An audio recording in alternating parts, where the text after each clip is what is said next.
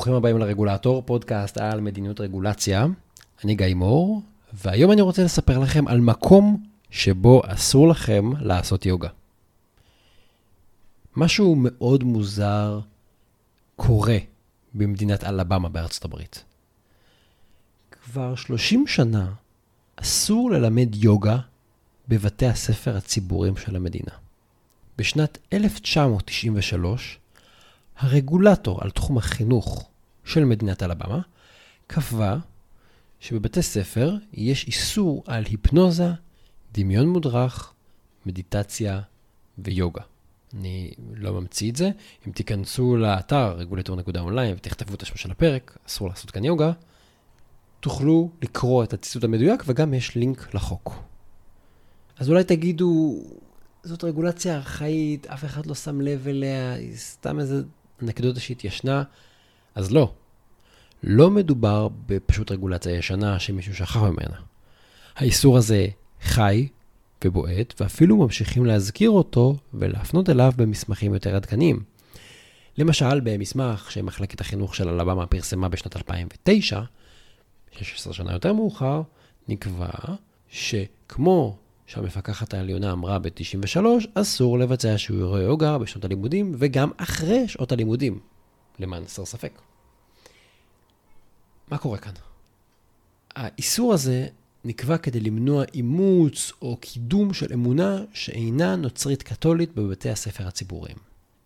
יוגה בנויה מתרגילים של נשימה ומתיחה, ויש לה שורשים מבחינה תרבותית שקשורים להינדואיזם ולבודהיזם. היא מגיעה מהמזרח. אבל יוגה היא לא אמונה דתית, ואין לה מערכת ממסדית כמו כנסיות או כמרים.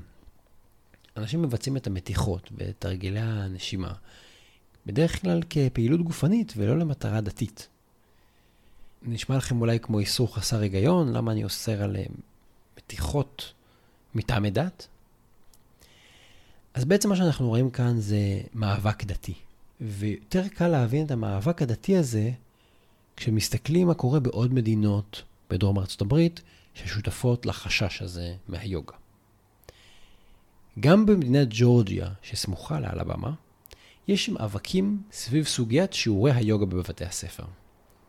בג'ורג'יה, ההורים כל כך התנגדו לשיעורי יוגה בבתי ספר יסודיים, עד שהם הצליחו לגרום לשלטון המקומי לצמצם את מספר השיעורים ואפילו לאסור את השימוש בברכת נמסטה. כן, יש בית ספר יסודי בג'ורג'יה, שבו אסור לכם להגיד נמסטה. מחשש להדתה כזו. וזה חבל, כי הרבה מחקרים הראו שתרגולים כמו יוגה ומדיטציות כמו מיינדפולנס עוזרים לילדים לשפר את הריכוז, להפחית מחשבות טורדניות, לצמצם לחץ, לדברים שיש להם הרבה מאוד תועלת. אז כמו שאמרתי קודם, נראה שלפחות חלק מההתנגדות ליוגה בבתי ספר ציבוריים היא בעצם בקונטקסט אחר לגמרי, חלק ממאבק יותר רחב. מאבק סביב דת, סביב מדינה, סביב החיבור הזה ביניהם, וסביב איזה דת אפשר להכניס. בארצות הברית יש איסור לקיים תפילות בבתי ספר ציבוריים.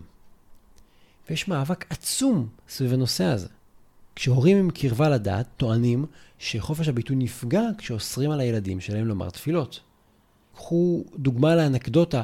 אמ, מוקדם יותר השנה פורסם אה, פסק דין על אה, מאמן אה, לשעבר של נבחרת פוטבול, שאחרי שעות הפעילות של בית ספר ואחרי שעות הפעילות של נבחרת הפוטבול, הוא היה מתפלל במגרש הפוטבול, ולפעמים הוא היה מזמין את התלמידים אחרי שעות הפעילות של בית הספר להצטרף אליו לתפילה. בית משפט פסק שאסור לו לעשות את זה, כולל אסור לו באופן אישי להתפלל אחרי שעות הלימודים במגרש הפוטבול, כשהוא לא בעל תפקיד בבית הספר בכלל.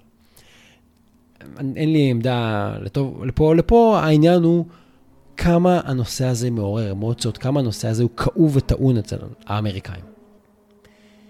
בהקשר של היוגה, יש הורים שמתקוממים על כך שאוסרים על הילדים שלהם לקחת חלק בתפילות נוצריות בבתי ספר, אבל בדלת האחורית מכניסים להם משהו אחר. מכניסים להם אמונות דתיות ותפיסות רוחניות במזרח הרחוק. לתפיסתם היוגה מתחרה בפרקטיקה של אמונה נוצרית. ואם אוסרים עלינו להתפלל תפילה נוצרית בבית הספר, אז אין שום סיבה שתאפשרו יוגה. ולכן נראה שכל העיסוק הרגולטורי והאיסור על יוגה בבתי ספר הוא חלק קטן ממאבק פוליטי וערכי הרבה הרבה יותר רחב. מאבק סביב דת, סביב חופש ביטוי, סביב מה מותר ומה אסור לעשות במרחב הציבורי ובמימון של כספי ציבור. זאת הסיבה שאנחנו רואים את ההתנגדות ללימודי יוגה בעיקר במדינות שנמצאות בדרום ארצות הברית. כי שם יש כזה מתח סביב נושאי דת ומדינה. אני לא חושב שתמצאו את המתח הזה קיים במדינת ניו יורק למשל. המקרה הזה מלמד אותנו שהרבה פעמים מאחורי הרגולציה, שהיא קובעת באמת הוראות, איסורים, חובות בחיים של בני אדם אמיתיים, אבל יש מאחוריה סיפור יותר מורכב. יש נרטיבים, יש ערכים, יש תפיסה תרבותית. אי אפשר לדבר על סוגיית היוגה רק כבעד או נגד יוגה בבית הספר. זה לא באמת הדיון שם. זה זנב של קונפליקט הרבה הרבה הרבה יותר רחב והרבה יותר כואב אצלם. לפעמים יש מאחורי הרגולציה אינטרסים ובעלי עניין שמקדמים אותה. לפעמים רגולציה היא בכלל תוצר של אה, כשל ממשלתי.